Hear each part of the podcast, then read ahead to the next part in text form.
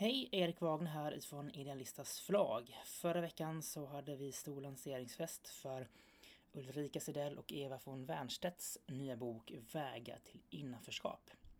Eh, väldigt kort kan man säga att boken består av erfarenheter och klokskaper ifrån jag blir 19 ledare och chefer inom ett gäng olika verksamheter som på olika sätt jobbar med etablering av nyanlända i Sverige. Boken stakar också ut ett gäng eh, ledarskapsstrategier som jag tror kommer att vara inspirerande för alla människor som jobbar med någon form av samhällsförändring. Eh, och på den här lanseringsfesten där vi hade strax över 100 personer som lyssnade till ett panelsamtal och det är det samtalet som ni kommer få lyssna till alldeles strax. Är ni intresserade av boken så finns den att köpa på Adlibris, Bokus eh, och diverse bokhandlare. Och man kan också beställa den direkt ifrån idealistas.se.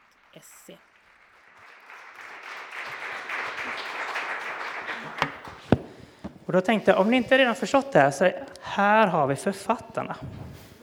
Så här ser de ut. Ja, en applåd till, det kan de få.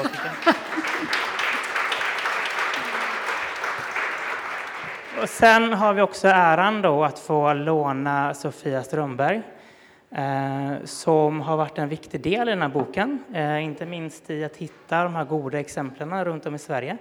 Eh, du är social entreprenör, verksam i Open Up i Örebro. Nu var jag på att tappa staden. Så. Och du ska också få agera moderator här idag, så varmt välkomna. Tack så mycket. Nu ska vi se. Jag, jag, kände på applåden och det var en väldigt härlig start på det här samtalet. För jag kände verkligen att det var mycket värme i den här applåden. Jag tror att det här är en bok som väldigt många av oss känner den var efterlängtad, den behövdes verkligen. Men jag måste börja med, med Eva och Ulrika här. För att, som alltid, man undrar så här, när föds denna idé? Alltså när är det ni sätter er ner och bestämmer tillsammans att den här boken behövs verkligen? Mm. Ja. När var det? Jo, vi, diskuter, vi hade ju diskuterat mycket kring samhällsfrågor. Det hade vi gjort länge när vi hade mötts. Vi eh, lärde känna varandra när vi var vd för olika bolag och vi eh, möttes över helt andra gränser. Och sen kom ju hösten 2015 och jag for omkring i Sverige och föreläste om Bortom glastaket och stötte på en, en retorik eller en vardagsrasism som jag aldrig hade skådat och aldrig sett. Och så började vi prata och eh, vi sa någonting måste göras, men vad kan, kan vi göra och vad, vad kan vi skapa med våra erfarenheter och bestämde oss för att göra någon form av plattform av berättelser där det faktiskt visar sig att integration lyckas och där det finns människor som eh, kan skapa förutsättningar att människor kan leva tillsammans och bo tillsammans. Mm. Eh, ja, och jag tänkte ju också så när eh, jag och Ulrika... Nej, men den här är inte på, va? Nej, det låter inte så. så eh, när jag och Ulrika började prata om det här att ehm, eh, min bakgrund är att jag för tio år sedan startade någonting som heter Läxhjälpen som hjälper um, ungdomar i utanförskapsområden att komma in på gymnasiet. Eh, och eh, jag blev också orolig när jag såg de här eh, ganska mörka till sist. Först då fanns det mycket vilja, glädje, men så började det också komma in utmaningar, problem och då kände jag också så här, vänta, vänta, vänta. Det måste ju finnas de här som gör bra saker som ger verkan på ett positivt sätt. Och det var där vi började diskutera om vad kan vi göra, hur kan vi bidra? Mm. Och ni skriver ju mycket om det i inledningen, hur ni, liksom, ni upptäcker ett samtalsklimat som ganska snabbt då växlar från att, att det finns rum för både hjärterum och stjärterum, skriver ni, och så går det ganska fort över till en retorik som handlar om systemkollaps och nu är det hopplöst och nu är det kris och så vidare. Men vad är det som gör att just ni två känner att nej, nu tar vi och utmanar den här bilden? Varför faller ansvaret på er och ingen annan här inne, så att säga? På väldigt många som är här. Vi har ju bidragit på en mängd olika sätt. Eh, jag tror att det handlar om att vi båda två är, är precis som många andra här, eh, vill bidra och känner också både en, naturligtvis en passion men också en plikt att det gör man bara. Man eh, kan man på något sätt bidra till eh, när man ser ett bekymmer och ett problem? Och, och den, det som du nämner, det var ju väldigt bekymmersamt. Det var ju, vi pratade bara då i media, i, i politiska utspel om eh, utmaningar, om brottslighet, om eh, kostnader, om hypermaskulinitet. Och Nej, det, var, det fanns inget val egentligen. Det var bara någonting måste göras för det finns också en fantastisk berättelse om när människor möts och skapar saker tillsammans. Jag tror också den här bakgrunden som eh, eh, vi båda två har som lite sociala entreprenörer. Eh, Ulrika hade redan skrivit en bok så att när bokidén kom upp så tänkte jag så här, skriva en bok, ja varför inte? Och, så att jag kan känna att jag nog drevs med av en känsla av att eh, faktiskt kunna bidra och det här med bok. Jag är fortfarande förvånad över att den blev så bra. Ja. Men det är ju som tur var inte bara, utan det är ju det som gör boken bra. Det är ju alla de fantastiska mötena och berättelserna. Det är ju det som gör att eh, ja. den blev så bra.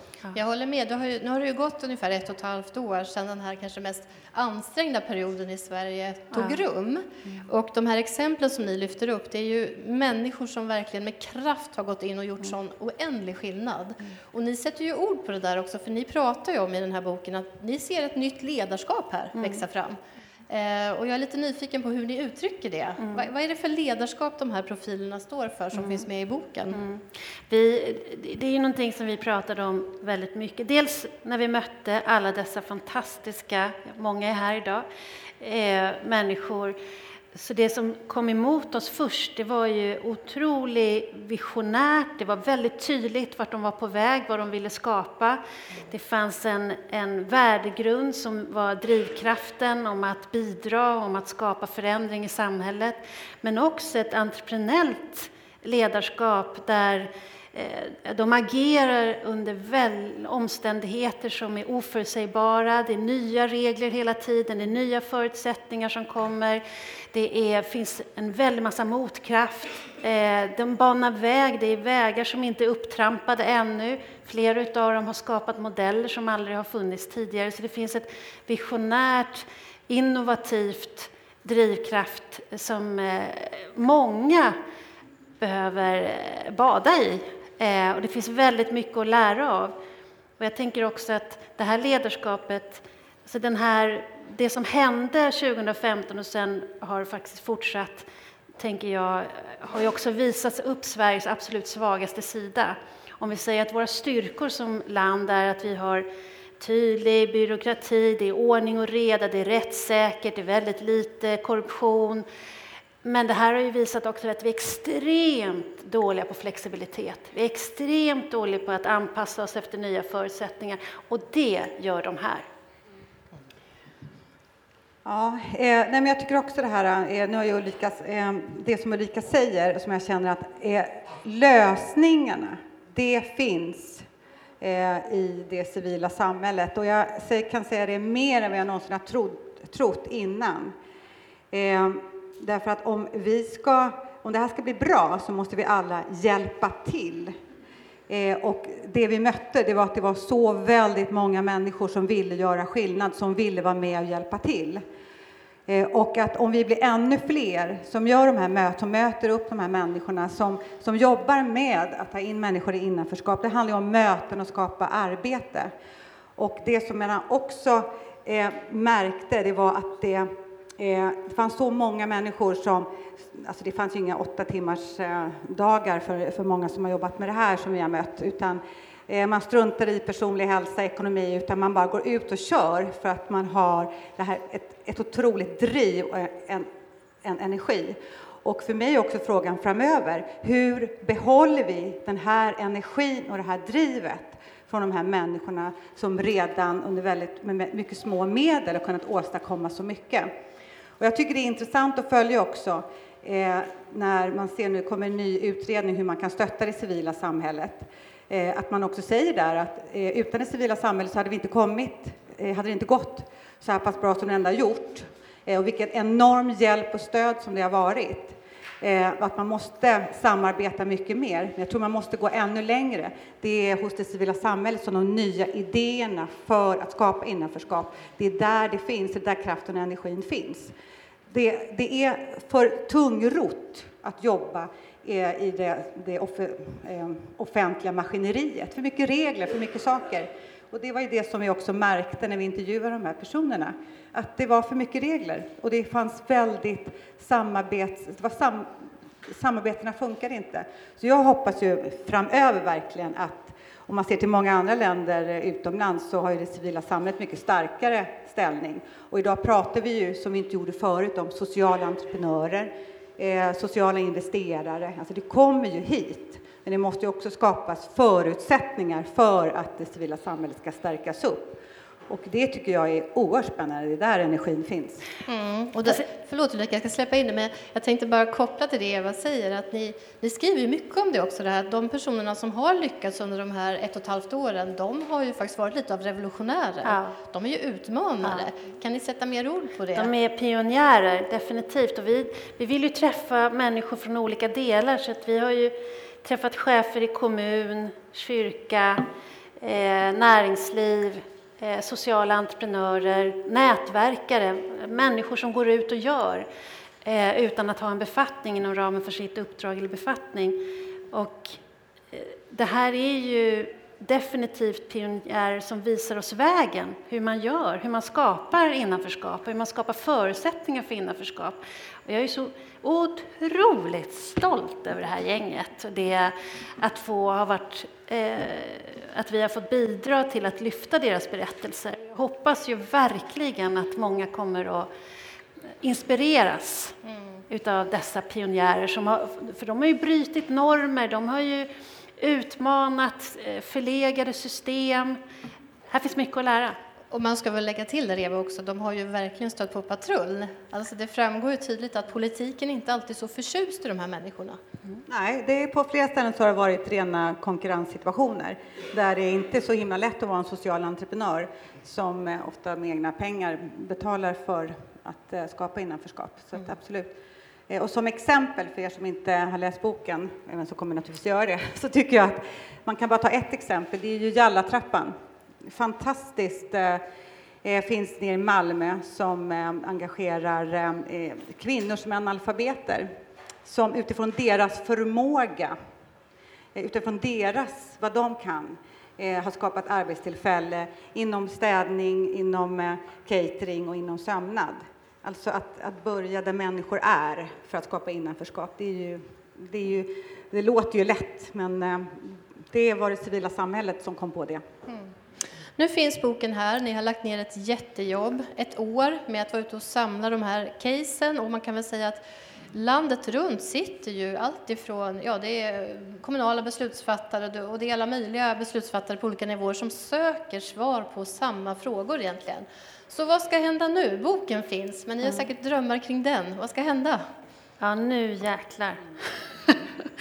nu ska den ut och det hoppas vi att vi får hjälp av att, att, sprida, att sprida budskapet. Att, jag hoppas ju att fler av de här som är med i boken kommer att få eh, framträda och berätta, att de blir uppringda av andra. Jag menar, varför finns inte en jallatrappa i varje kommun till exempel? Att, att det här är någon slags eh, katalysator skulle jag önska. Jag önskar också att eh, man i, eh, vi pratar nu om att ha ett riksdagsseminarium, att eh, eh, riksdagen ska ta den här vidare. Vi pratar med olika kommuner om att förkovra sig och fördjupa sig i detta. Eh, vi hoppas ju att det ska vara en katalysator och också en bidrag till opinionen. Mm. Mm. Så ni har nu rensat kalendern och är redo att sitta i tv-soffor, i radiostudion, åka ut och missionera överallt i landet där det behövs. Är det så, Eva? Eh, ja, absolut. Men det viktigaste tycker jag är, det är att lyfta dem, eh, de som är med i boken. Alltså jag tänker bara, jag ser på Petra där, en, en fantastisk entreprenör som har skapat någonting som heter Ehm, eh, familjebarnshem som har jobbat eh, för eh, barn som inte har någon biologisk mamma och pappa. Vilket fantastiskt Petra, jobb Petra har gjort under lång tid och att få lyfta hennes berättelse i den här boken, det tycker jag ju, alltså det, det, det är ju att jag får betalt för vad jag håller på med. Ja, jag förstår verkligen och, och många andras berättelser också, men jag tycker det är jätteviktigt. Ja, jag håller helt med och det är ju, det är ju otroligt inspirerande, varenda kapitel i detta. Man önskar att varenda svensk fick läsa den, så är det.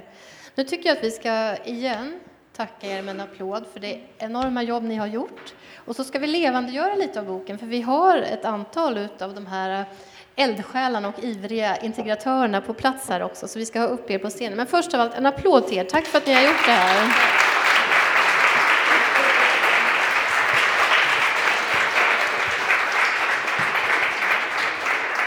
Och då, då, skulle vi en kort stund vilja få upp här också i samtalet Camilla Alteus som kommer från Svenska Basketförbundet. Välkommen upp på scenen. Välkommen hit brukar ni säga, för så heter ditt projekt, eller hur? Och sen har vi Alireza Akundi, eller hur? Välkommen upp, som jobbar som integrationsansvarig i Vansbro. Sen ska vi också få upp Karl Dahlbäck. Du hör hemma i Nacka och är kyrkoherde och drivs av visionen om ett Guds hus där. Det ska vi få veta mer om. Och sen inte, sist men inte minst Donna Hariri. Ska vi se var du är någonstans.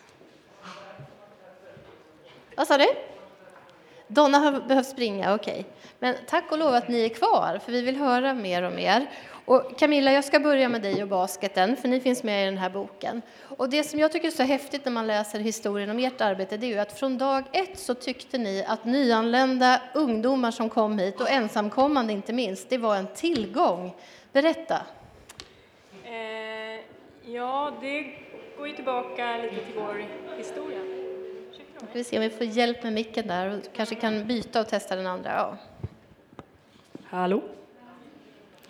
Eh, alltså det går ju tillbaka till vår eh, historia. Jag fick faktiskt nu veta av en kvinna jag träffade här hur basketen kom till Sverige. Jag ska inte dra den historien nu, men jag kan säga att basketen etablerades i samband med andra världskriget. När det kom eh, baltiska eh, flyktingar eh, till Sverige. Eh, och basketen var redan stark där så att de tog med sig sporten hit och etablerade den här. Första landskampen var det väl bara någon svensk med och det var estrouletter och så vidare. Och sen har det rullat på. Eh, vi har haft eh, arbetskraftsinvandring från starka basketnationer. Grekland, Turkiet. Ehm, eh, vi har haft ehm, många amerikaner som deserterade under Vietnamkriget, kom hit. Eh, eh, basketen växte ytterligare. Ehm, vi, det låter helt bisarrt, drog nytta av Balkankriget. Många Balkanflyktingar kom hit. Balkan är eh, ett starkt basketfäste. De kom hit och utvecklade sporten ytterligare. Nu är det en ny flyktingvåg. Ehm, vi fyller på med ledare och domare från framförallt Syrien, men, men ja, men, men, så egentligen vad du berättar för oss är att, att basketen i Sverige har alltid varit väldigt internationellt influerade, alltid kommit människor ja. in och ut ur basketen. Ja. Men nu när det kom en massa nyanlända ungdomar och kanske också tonåringar som mm. aldrig har spelat basket så var de välkomna hos er och ska man vara lite krass, svensk idrottsrörelse har inte alltid varit duktig på att lyfta in tonåringar mitt in i sporten. Mm. Men det har även varit en, en utmaning eh, för oss.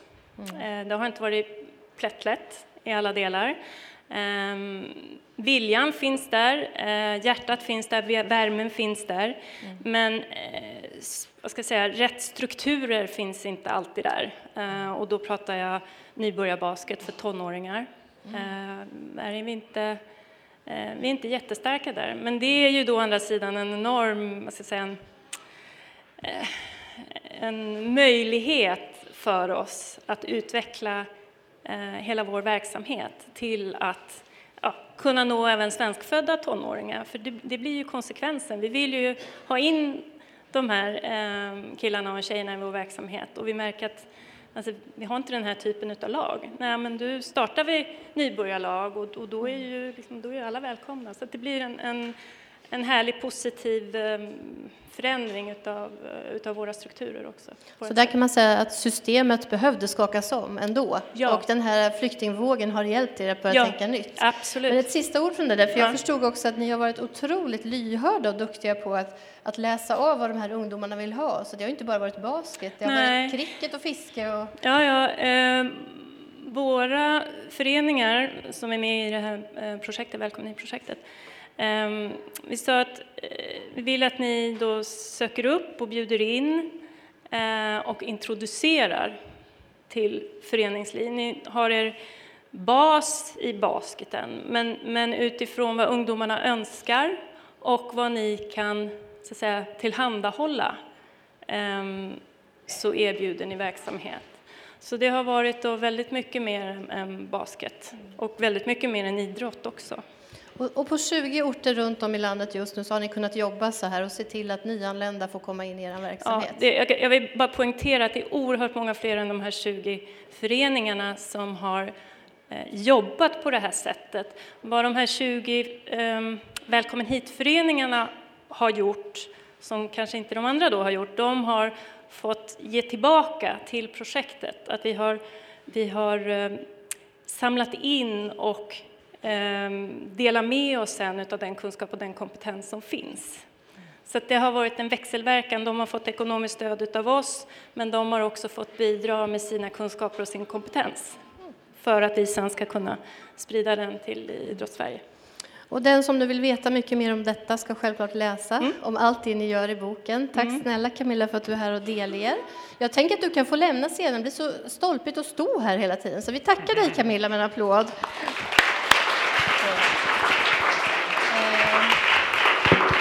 Ska jag lämna ordet vidare till Alireza Akundi. Och eh, vi ska nog börja lite grann faktiskt där Eva och Ulrika slutade. För de pratade rätt mycket om det att politiken är inte alltid helt glada i de här sociala entreprenörerna som går in och utmanar normer, bryter strukturer, jobbar i helt nya modeller. Och du som sitter mitt i en kommunal vardag eh, i Vansbro, varför blir det så här? Varför omfamnar man inte de här nya initiativtagarna bättre än vad man gör? Mm, det var ett djärvt påstående. Ehm, jag skulle inte vilja gå lika långt som att, att politiken är så att säga hindret. Ehm, politiken har ju så att säga en struktur och en natur som är så att säga trög i sin utformning. Vilket gör ju då att, att man är inte lika snabbfotad. Sen är man ju också ytterst beroende av en kompetent förvaltning som säkerställer att, att man bereder ärendena på ett bra sätt och, och lägger fram det till politiken. Så att den största hindret så att säga, är den kommunala, den offentliga förvaltningen som skapar liksom, den här extra trögheten som vi sen säger att det är politiker så, så att säga. Så allt är tjänstemännens fel, kort och gott. Ja, allt är mitt fel. Ja, allt är ditt fel, precis. Men vi ska snart prata mer om din roll som du har och Vansbro-modellen. Men jag vill också börja med att du har ju ett enormt starkt hjärta i detta med människor på flykt. För nu har jag läst på och förstått att när alla vi andra såg den här bilden på den lilla, lilla pojken som låg uppspolad på stranden så bestämde du dig faktiskt för att ge dig av dit ner för att hjälpa till. Kan du bara ta kort, vad hände i dig och vad fick dig att göra den resan? Eh, jag är politiskt aktiv sedan många år tillbaka och är van att debattera och, och liksom har alltid haft så att säga, en väldigt liberal perspektiv kring så att säga, vårt ansvar att vara med och hjälpa till. Så att säga. Ehm, sen var det faktiskt någon i någon forum som skrev ehm, Ja, det är väldigt mycket snack från dig. Eh, och i något sammanhang, några veckor senare, utan att jag tänkte på det, så dök ju den här bilden upp på den här pojken som hade drunknat. Och jag kan inte säga att det var därför som jag gjorde som jag gjorde, men konsekvensen blev ju ändå att, att jag gick till min chef, lämnade ifrån mig nycklar, passerkort, dator och mobiltelefon och sa att det här är min sista arbetsdag. Eh, och sen satte jag mig på ett plan ner till Serbien och Belgrad, ett land som jag aldrig varit i. Jag har, man kan väl erkänna att jag har haft lite fördomar om jugoslaver, trodde att det var ett jättefarligt land och att jag skulle bli ihjälslagen första dagen. Ehm, men, ehm, och jag skulle vara där några dagar, fastnade i fem månader. Eh, vi bildade en grupp som hette Humanitet.nu från 30 länder, samlade in 1,8 miljoner kronor via Facebook. Eh, vi har sajten kvar. Tack. Det var en oerhört omtumlande resa för att um, jag bröt ihop två gånger om dagen. Förstår det. Satt, satte mig ner och grät för att det var, det var jobbigt. Mm. Och sen kommer du hem till Sverige och så blir du då erbjuden att bli integrationsansvarig i en liten kommun som kanske inte traditionellt sett har tagit emot så mycket människor heller. Och då tar du på dig den rollen och jag vet att en av de första sakerna du krävde då det var att jag ska jobba direkt mot kommunchefen. Och varför säger man så? Vad är det man har insett då? För mig som kan den offentliga förvaltningen vet ju hur, så att säga, hur sektorerna fungerar. Och Eh, Ska, eh, traditionellt så ligger ju integrationsfrågor som eh, man måste först definiera vad är integration. Integration handlar i mitt tycke om arbetsmarknadsfrågor, sociala frågor, kultur och fritid, bostadsfrågor och så vidare. Det handlar om inkludering, innanförskap. Och eh, vet man så att säga hur den offentliga strukturen ser ut, då vet man att då kan man inte ligga gömd under något förvaltningsområde, utan man måste ha närhet till så att säga ledningsgrupp och till politiken där besluten fattas. Mm. Precis, och då, och då, har jag förstått att just det här att du har den rollen har gjort att integration i Vansbro, det är inte längre en sakfråga, det är ett perspektiv. Nu jobbar man på, på alla bredder och ledder med att försöka tänka innanförskap i alla led. Och sen har ni en egen Vansbro-modell idag. Så den vill jag också att du beskriver lite kort. Vad ligger i denna modell? Jag brukar jämföra Vansbro-modellen med att bygga ett hus. Eh, när man bygger ett hus eh, så gör man så, så, man gör lite markarbete, man kanske anlitar en geotekniker som kollar vad som finns under gräset där. Och Eh, sen när man har förstått så att säga, geotekniken eh, så börjar man bygga en grund och så bygger man då huset och så tak och så kanske någon skorsten. Och det jag gjorde med, med den här modellen, det som är unikt med den här modellen, att vi gjorde en grundlig undersökning om hur förutsättningarna såg ut. Jag satt som ekonom som jag är, satt jag och roade mig med kommunens huvudbok alla transaktioner. Var går pengarna? Hur är våra så att säga, strukturer utformade? Sen byggde jag en ordentlig organisation. När jag började var jag själv. Nu har jag 40 medarbetare. Sitter i kommun, kommunens ledning. Och det är klart att då har man ju mycket större möjligheter att vara med och påverka. En viktig del i modellen ekonomi.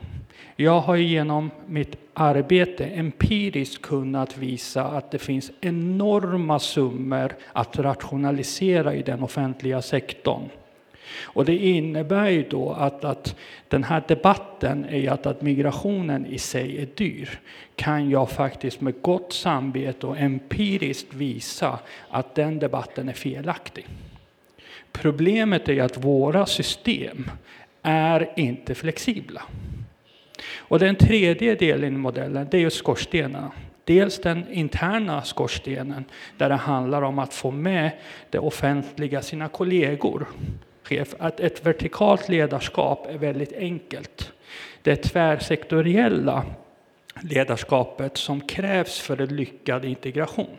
Det vill säga att, att jag ska kunna samarbeta med socialchefen, skolchefen eh, och samhällsbyggnadschefen. Det är det ledarskapet som är svårt och inte alls självklart i en offentlig driven verksamhet. Och till sist tänker jag att vi ändå ska prata lite grann om modeller som har vuxit fram hos er nu tack vare att ni jobbar på det här sättet. För det finns en fritidspeng som alla barn får. Och jag vet att de som läser på SFI får samtidigt lära sig yrkesutbildningar. Så att ni har börjat jobba på ett nytt sätt som inte bara handlar om ekonomi skulle jag hävda, ni gör ju faktiskt livet bättre för en massa människor, ni ökar innanförskapet. Vill du bara berätta kort om de två sakerna? Fritidspengen och den här SFI-modellen.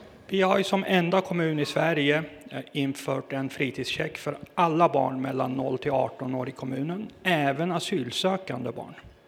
Vi är nominerade till Barnidrottspriset 2017. Vi har som enda kommun i Dalarna infört en fritidsbank. Det är som ett bibliotek där man kan låna sportutrustning.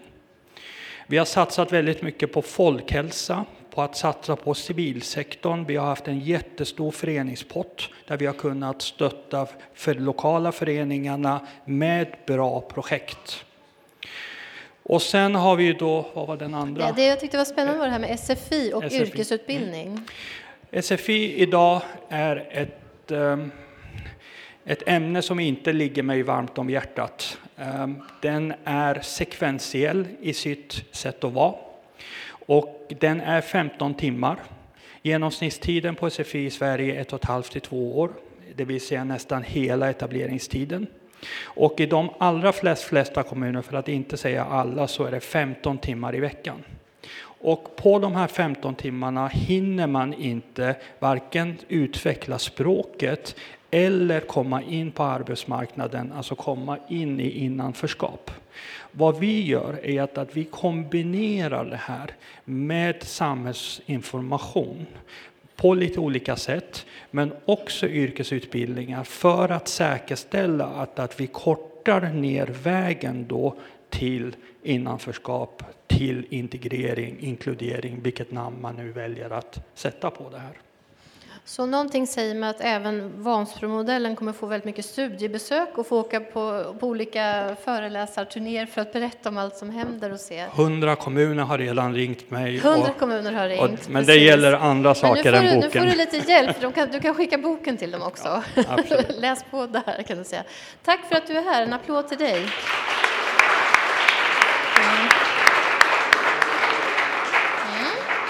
Vi ska väl se Karl om du, vilken mick du väljer här. Det blir spännande att se. Du tar den där, precis. Vi ska prata om någonting oerhört visionärt. Jag vill faktiskt börja precis där. Beskriv för oss visionen om ett Guds hus, ett fysiskt Guds hus. Vad är det i Nacka? Guds hus det är både ett samarbete som är redan idag mellan Svenska kyrkan, Nacka församling, katoliker och muslimer i Fisksätra som består av ett antal olika verksamheter. Det, det du specifikt frågar om det är då eh, Eh, utbyggnaden av den befintliga kyrkan som står där idag i form av en tillbyggnad med moské. Och eh, det blir en yttre manifestation av Guds hus, att vi samexisterar, vi samarbetar sida vid sida för eh, människors bästa i Fisksätra men också för att visa att religionernas essens är fredsskapande, är ett kärleksbudskap, inte att utnyttjas för terrorister eller andras lägersyfte. Mm. Så ni tänker er en vardag där en muslim och en katolik och en kristen ska kunna be i samma byggnad? Är det det jag ska se framför mig? Ja, man får väl föreställa sig lite mer som en galleria möjligtvis. Mm. Att man går in genom ensam ingång och sen går de kristna till vänster och eh, muslimerna går till höger. Så det är två olika bönelokaler. Mm. Och det har vi sett varit viktigt, men vi har ett gemensamt mötestorg där vi tänker att det är den naturliga ytan. Men också har vi gemensamma lokaler i den kyrkobyggnad som finns idag för möten och sammanträden och eh, matsal och, och kök och så vidare. Mm. Men katoliker och Svenska kyrkan Nacka församling delar alltså idag gudstjänstrum och det kommer vi fortsätta göra.